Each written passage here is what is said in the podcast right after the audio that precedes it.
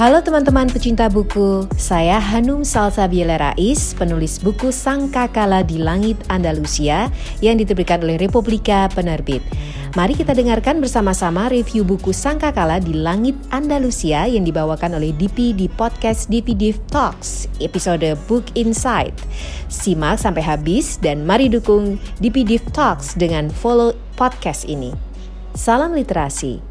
Wassalamualaikum warahmatullahi wabarakatuh.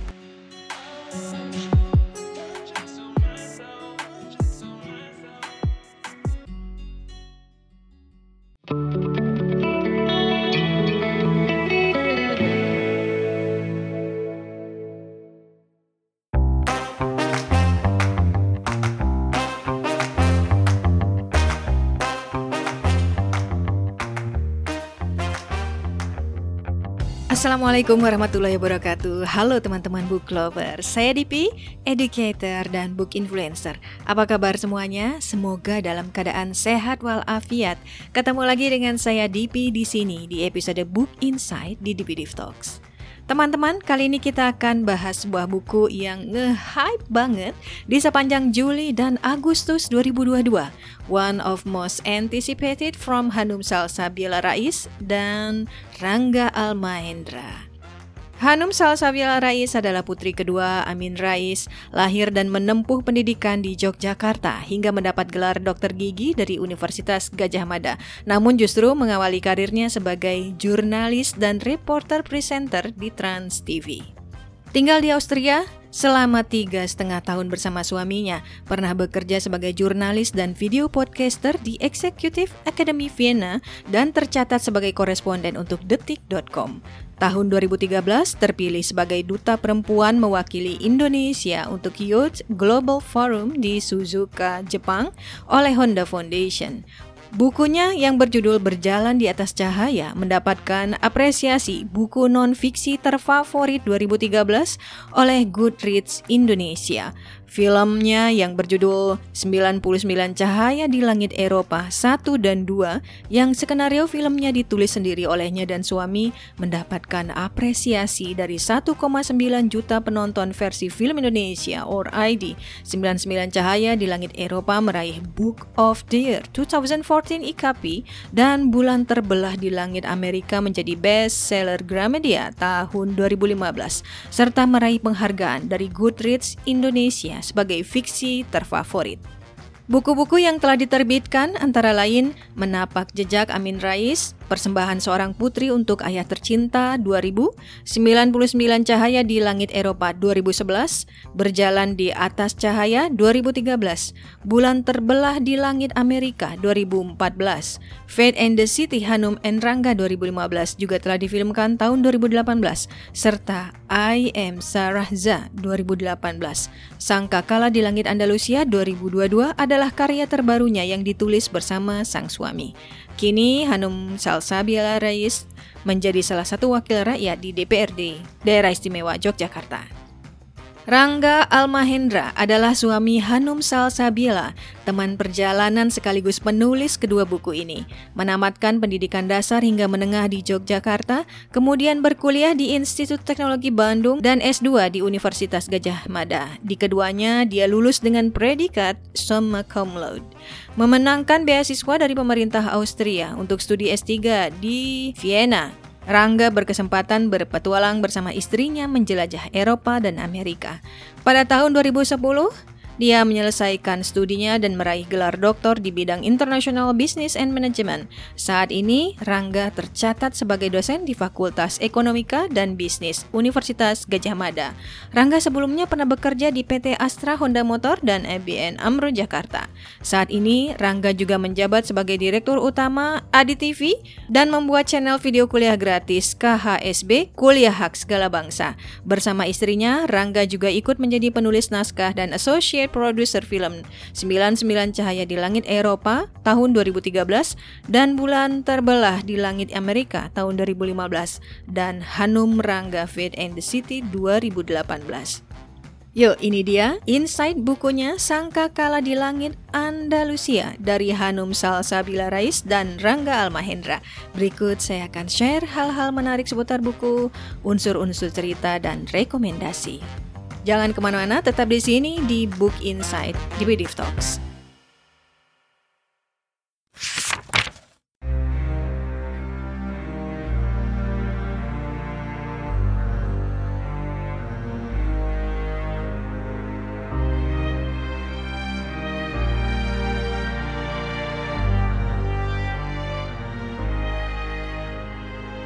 Sangka kala di langit Andalusia berkisah tentang masa di mana Islam di Andalusia ditaklukkan oleh Isabella dan Ferdinand.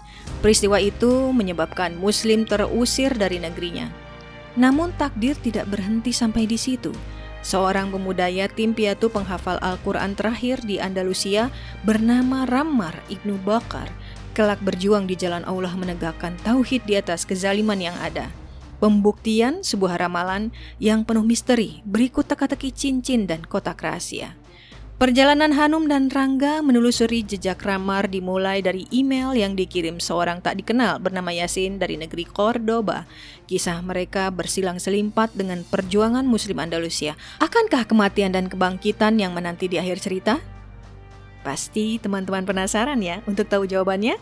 Simak dulu book insight yang ini dan jangan lupa segera beli dan miliki buku Sangkakala di Langit Andalusia di toko-toko buku terdekat atau langsung ke toko-toko milik penerbit Republika.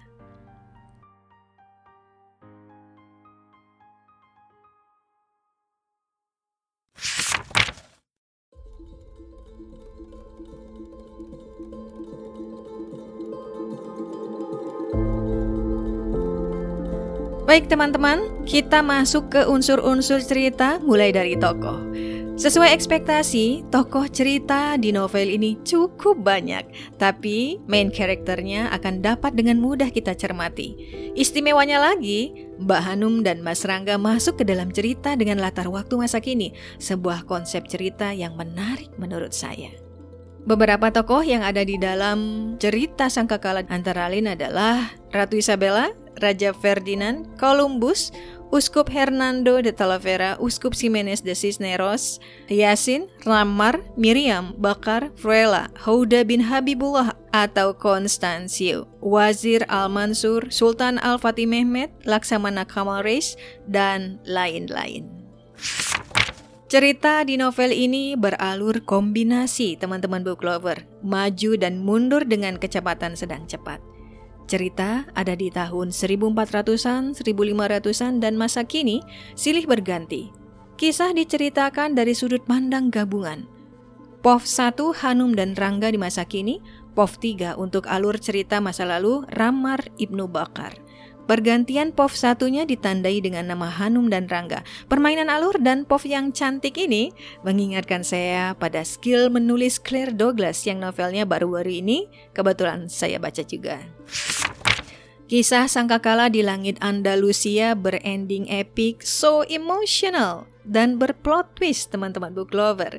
Latar cerita mengambil lokasi yang beragam dari Garnata di musim dingin 1492, Cordoba masa kini, Indonesia masa kini, Madinah Az-Zahra 1500, Istana Alhambra, Perbukitan Al-Pujaras, Kurtuba El Arus, Valencia masa kini, Isbilia tahun 1462, Garnata tahun 1500, Museum San Jorge masa kini, Konstantinopel 1460, Meskita Katedral masa kini, Balearic 1500, Cartagena tahun 1500, Granada masa kini, dan lain-lain. Jadi secara total, novel ini punya permainan alur, POV, dan juga latar. Cantik sekali.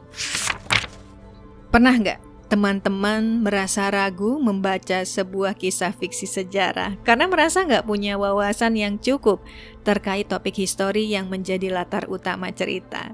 Kalau iya, berarti kita sama. Saya pernah termasuk novel yang satu ini teman-teman book lover. Tapi perasaan itu saya tepiskan dengan berbagai perspektif lain yang lebih positif. Di antaranya, bahwa dari sebuah fiksi sejarah akan terbuka kemungkinan terpantiknya rasa penasaran untuk mempelajari fakta yang sebenarnya. Ya kan? Bahwa hisfik itu asyik karena bukan cuma wawasan dan pesan yang ditawarkan tapi juga hiburan. Favorit saya terutama kalau novelnya berhasil epic dan berplot twist. Begitu kita membuka buku Sangkakala di Langit Andalusia, teman-teman book lover, di bagian awalnya itu kita akan menemukan peta setelah itu, kita akan meluncur masuk melalui bab overture yang mengantarkan kita pada kisah utama. Ada tiga bab di buku ini dan tiap bab selalu diawali dengan overture. Yang saya pahami, teman-teman book lover, overture dalam musik adalah lagu pembuka atau musik pengantar. Kalau menilik isi overture di buku ini, saya kira perannya sama. Overture yang pertama di buku ini berlatar Garnata musim dingin tahun 1492. Ada tiga bab plus epilog plus jejak kronologis, referensi, dan terakhir ada biografi penulis. Buat teman-teman book lover yang penasaran seperti apa peta di dalam buku ini, teman-teman bisa meluncur ke blog saya di pdf.com dan masuk ke book review Sangkakala di Langit Andalusia karena di sana saya mencantumkan peta yang ada di buku ini. Saya teringat betapa saya butuh penyesuaian ketika awal membaca buku ini terkait diksinya teman-teman book lover. Gaya puitisnya saya suka banget. Masa adaptasi yang saya alami lebih disebabkan karena berbedanya buku ini dengan buku-buku lain yang saya baca akhir-akhir ini. Sedikit was-was, terus terang, karena saya menemukan diksi dengan kata berulang di halaman-halaman awal. Membuat saya khawatir, akankah ini terus terjadi hingga akhir novel? Akankah saya kecewa? Untunglah itu hanya kesan awal yang salah teman-teman book lover. Karena saya nyatanya sangat menikmati bacaan. Bahkan menjelang puncak cerita, buku ini tuh kayak rasanya tuh lengket di tangan, enggan dilepaskan. Dan saya lupa segalanya tenggelam dalam kisah Ramar Ibnu Bakar. Buat yang penasaran sepuitis apa diksi novel ini, saya bacakan penggalan narasi yang ada di dalam buku. Oke? Okay? Sekonyong hatinya tumpas. Siapa pun yang memahat seolah menujumkan hari ini, hari yang rapuh seperti kayu cedar di ruang singgasana yang melepuh. Ia melihat namanya tersemat di sebuah pintu besar, Abu Abdillah Muhammad atau Bu Abdil. Dicakarnya pahatan itu dan dirubuhkan. Lebih baik ia menghancurkannya sendiri. Toh cepat lambat akan ditanggalkan dan dibakar oleh ratu dan raja yang baru. Ratusan tahun dinasti Nasrid bertahta, ia tak menduga dadu kekalahan dipergilirkan untuknya. Sama gontainya dengan sang majikan, para wazir dan abdi mengikuti ke mana pun pria terhormat itu melangkah. Belum pernah mereka melihat tuannya menitik air mata, bahkan tak setetes pun saat menyaksikan kematian ayahnya, Sultan Mulai Hasan. Sebab hari ini bukan kematian seseorang, melainkan kematian peradaban. Sekian lama musim dingin membawa angin berikut gelegar petir, namun salju menahan diri, mempersilahkan hujan mengguyur Garnata, kota ribuan pohon delima. Sebersit kemuraman menggelegak di antara rintik yang membasahi dinding Alhambra. Istana merah marun itu meluntur menjadi kecoklatan. Angin menggoyang beberapa delima masak di pohon hingga jatuh babak, menghujam tanah yang keras.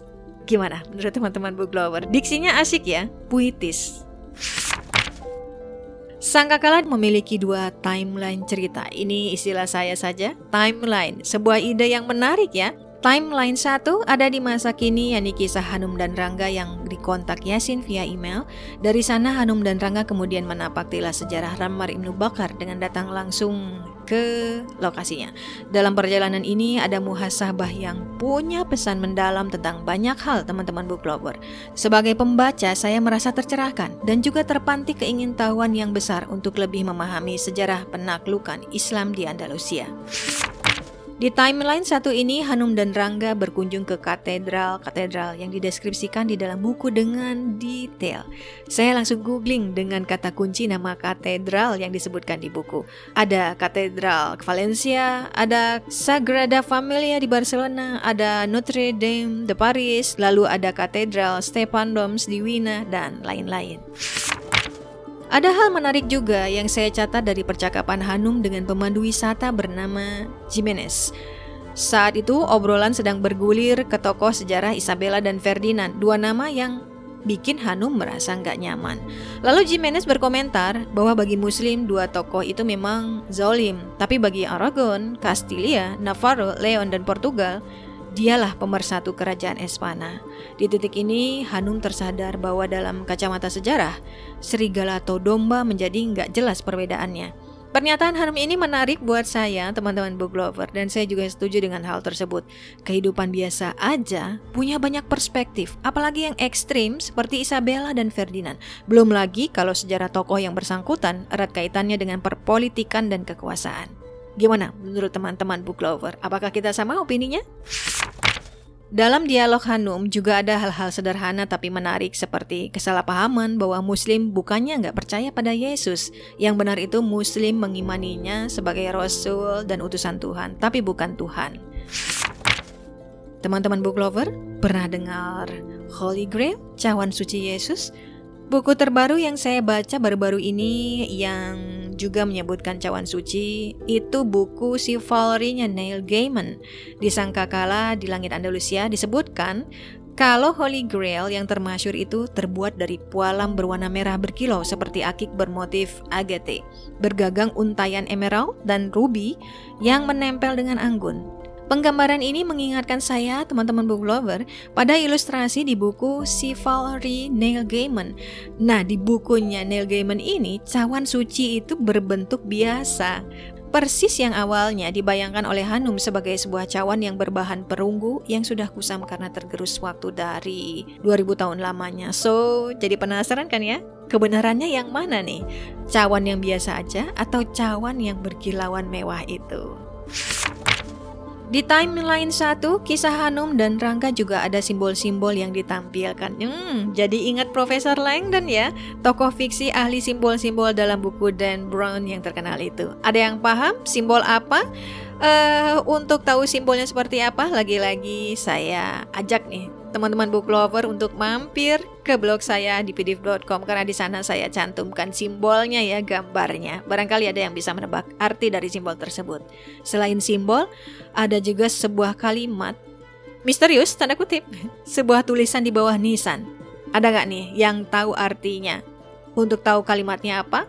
Yuk kunjungi book review Sangka Kala di Langit Andalusia di blog saya di dpdiv.com. Selain itu, ada hal menarik juga tentang palindrom. Palindrom. Nah, ada teman-teman book lover yang sudah familiar dengan ini.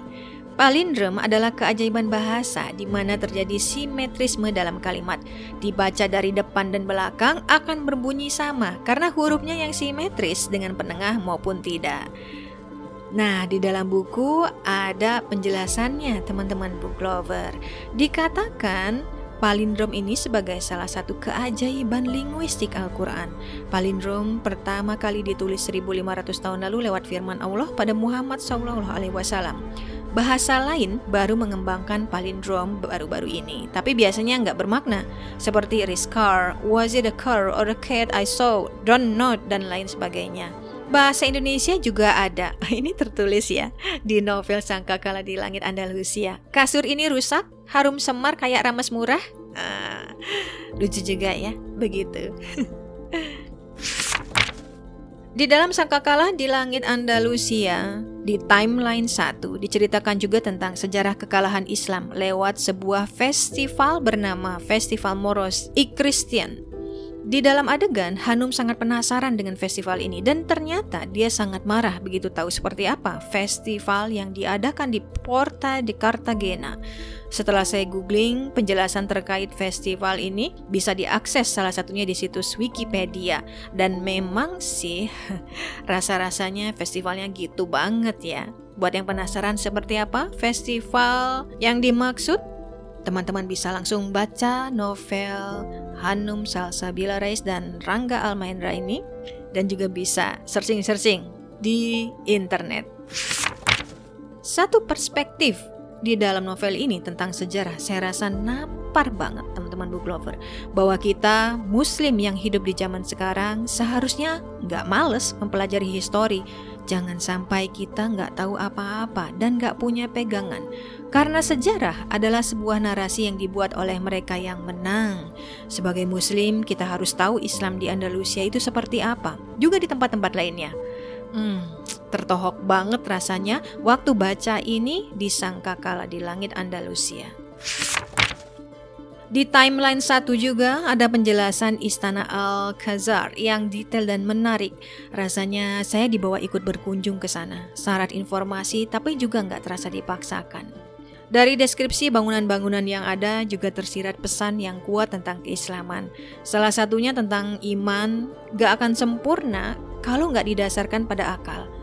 Akal menjadi sumber keyakinan utama beriman pada Tuhan. Kebenaran ini tercermin dalam struktur geometris yang menghiasi sudut Alhambra. Bagian penjelasan makam raja dan Columbus jadi catatan penting, karena bukan wawasan saja yang bisa kita dapatkan, tapi juga renungan. Salah satunya bahwa usaha manusia untuk memperindah makam dan jenazah hanyalah sia-sia karena dengan mudah Tuhan membalikannya hingga padam. Orang yang berkunjung ke makam Isabella dan Ferdinand tiada sekuku jari lautan manusia yang menyemut di samping manusia istimewa yang mereka sebut sesat. Nabi Muhammad SAW. Saya juga suka banget dengan kalimat Rangga tentang perjalanan di buku ini.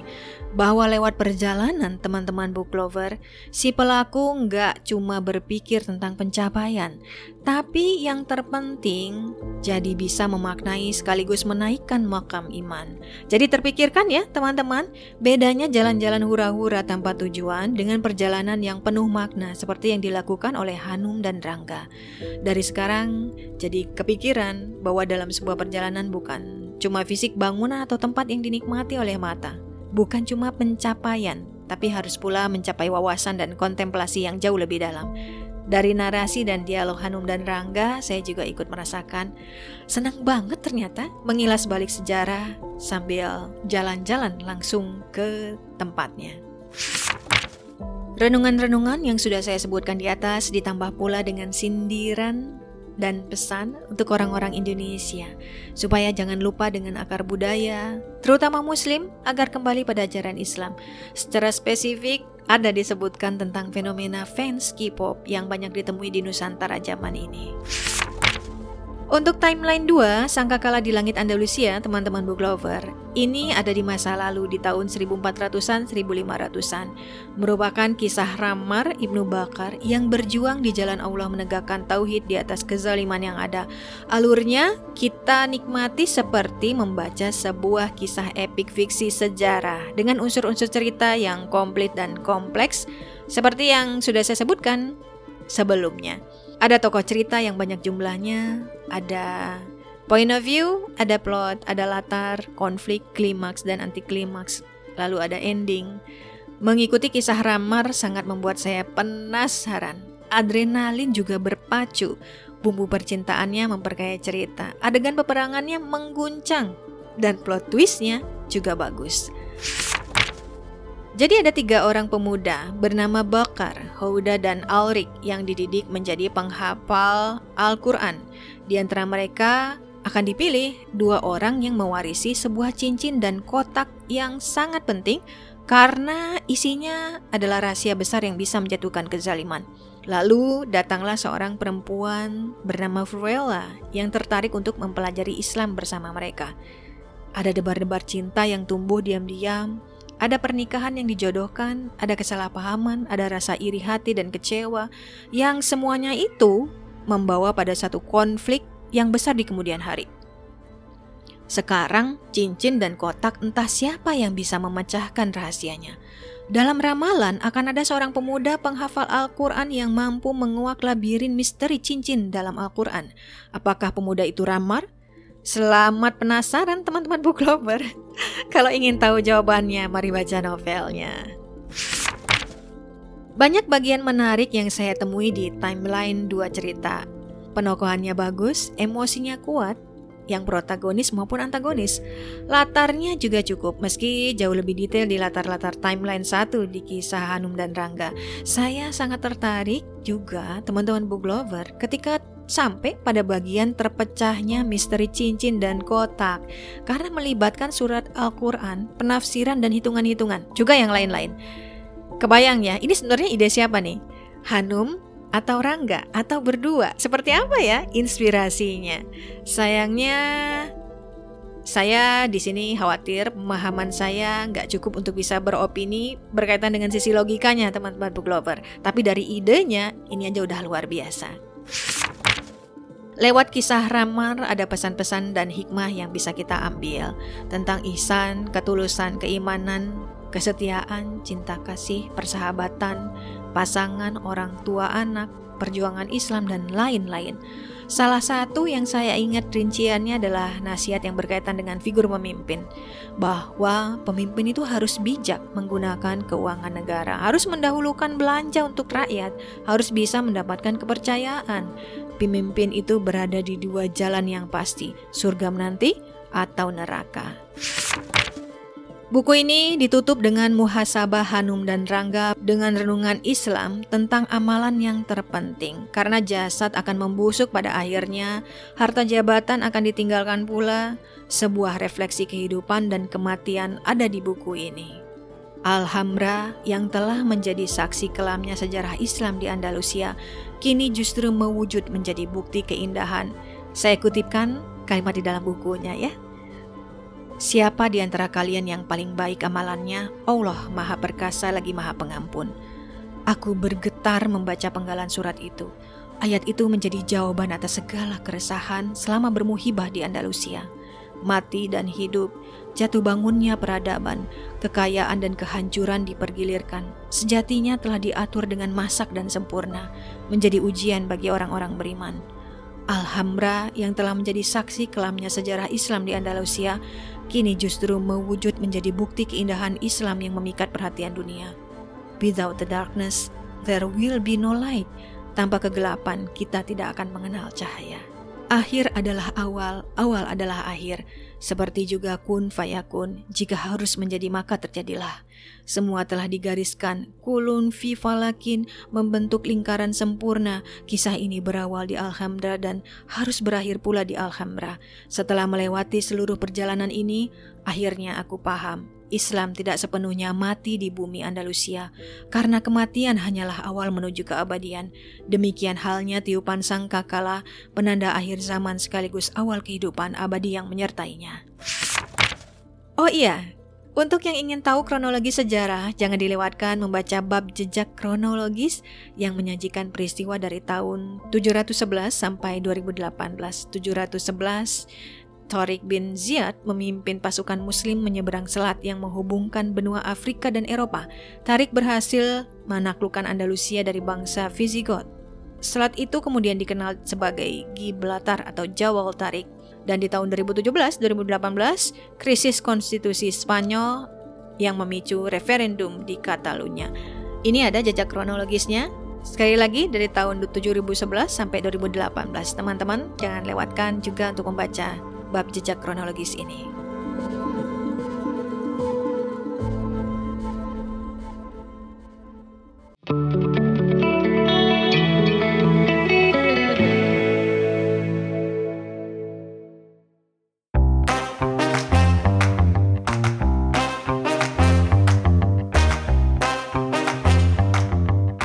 Buku ini saya rekomendasikan kepada semua pembaca, terutama yang menyukai fiksi sejarah Islam, juga pembaca buku yang mencari bacaan yang menantang karena kompleksitas unsur-unsur cerita.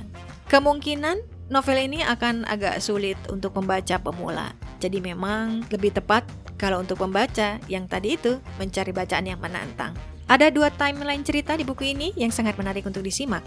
Timeline yang tidak kemudian tepat menyatu di satu titik pada umumnya dari novel-novel lain, tapi tetap punya koneksi yang kuat. Sangkakala di Langit Andalusia adalah sebuah buku yang ditulis dengan piawai dan indah. Storytelling yang berkualitas menyampaikan banyak pesan penting kehidupan dan keislaman. Nah, itu dia book insight buku Sangkakala di Langit Andalusia, teman-teman book lover, dari Hanum Salsa Bila Rais dan Rangga Almahendra. Jangan lupa follow akun DPDIV Talks di Anchor dan Spotify, juga akun Instagram DPDIV Official, biar teman-teman bisa dapat notifikasi postingan terbaru podcast ini. Jangan lupa juga untuk follow akun Republika Penerbit di @bukurepublika. Baca-baca review buku lainnya bisa teman-teman lakukan juga dengan mengunjungi laman blog dpdiv.com atau Instagram saya di DPDIV Official atau YouTube saya di DPDIV Official. Saya mohon teman-teman berkenan memberikan dukungan kepada pada akun DPDIV Talks dengan cara share konten ini di Instagram Story atau media sosial yang kalian miliki. Terima kasih buat teman-teman yang sudah dengerin dan dukung podcast saya ini. Terima kasih Republika Penerbit, terima kasih Mbak Hanum Salsabila Rais, terima kasih Mas Ranggal Mahendra, terima kasih SDLA Management. Sampai ketemu lagi di episode berikutnya. Bersama Dipi, tetaplah membaca karena membaca membuka jendela dunia. Dipi Talks. Let's encourage each other to shape a better future through education and book recommendation.